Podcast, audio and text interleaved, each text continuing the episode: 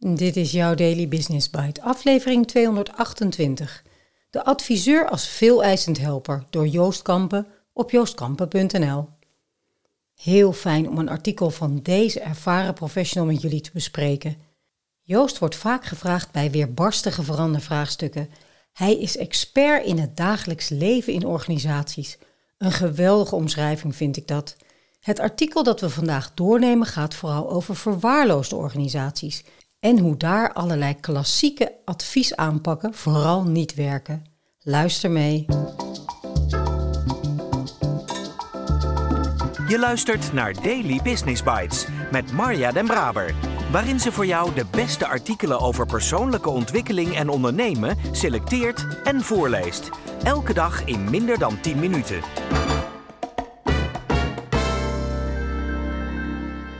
Advieswerk in organisaties is mooi en vaak dankbaar werk. Je wordt gevraagd een weerbarstig vraagstuk te helpen oplossen dat de organisatie zelfstandig niet aan kan. De adviseur werkt vanuit een relatie. De eerste twee fasen zijn de contact- en de contractfase. Daarna volgen probleemanalyse, ontwikkelen van een aanpak, implementatie en evaluatie. Althans, zo gaat het idealiter.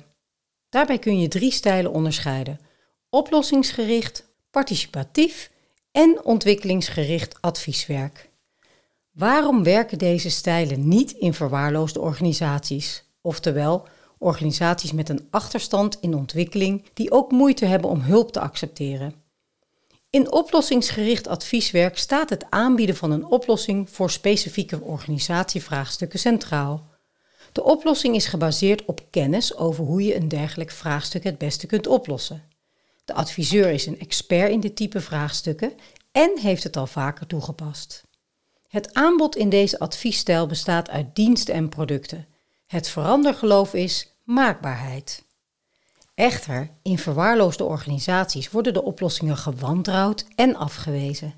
Ze sluiten meestal niet aan bij de ontwikkelingsfase en worden vaak instrumenteel geïmplementeerd. Bij participatief advieswerk wordt aan alle bij het vraagstuk betrokken organisatieposities en rollen de gelegenheid geboden mee te denken over hoe het anders kan.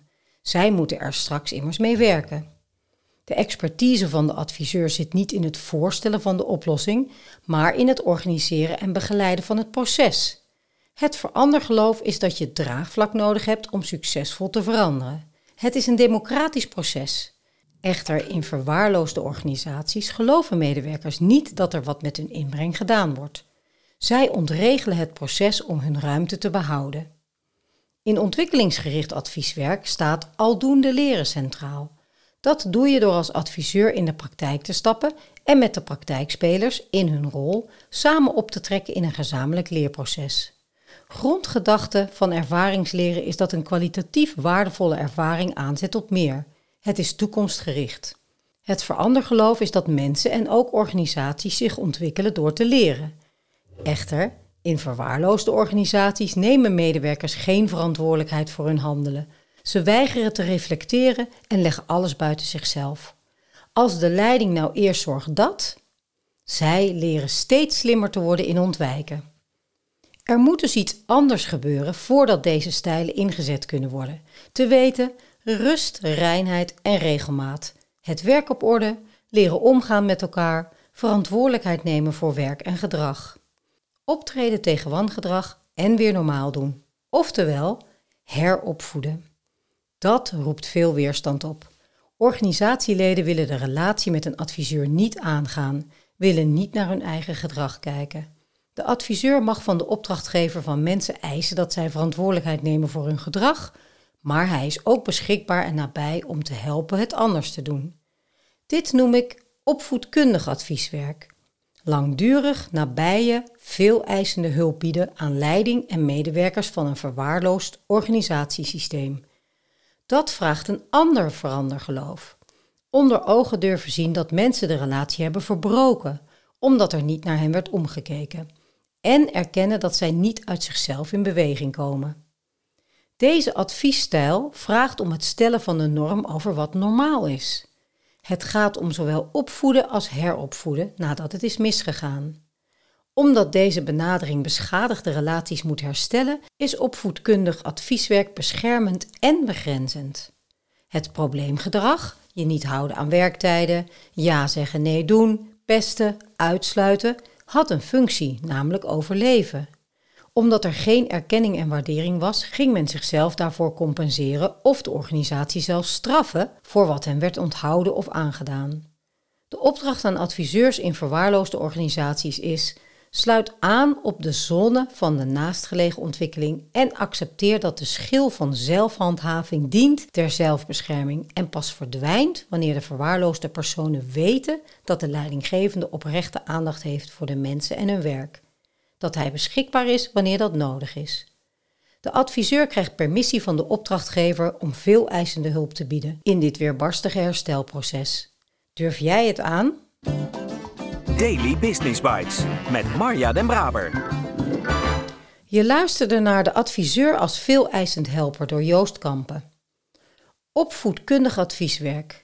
Dat vind ik een term die even moet landen. Mijn eerste reactie was: wat? Opvoeden? Het klinkt ook direct als een vader- of een moederrol en dat kan toch haast niet de bedoeling zijn. Maar aan de andere kant moet ik deze term natuurlijk ook plaatsen binnen verwaarloosde organisaties. Ik heb me hier nog niet zo in verdiept, maar dit artikel heeft zeker mijn aandacht getrokken.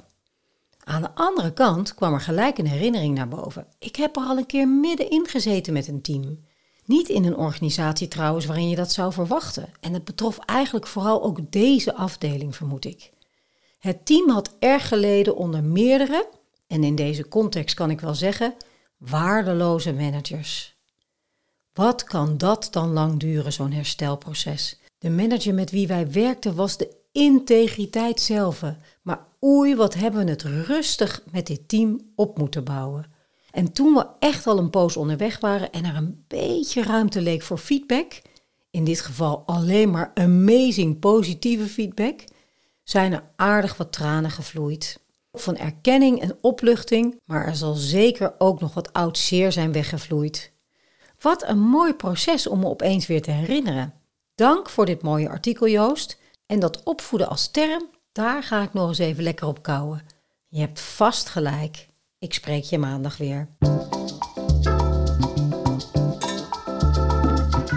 Dit was Daily Business Bites.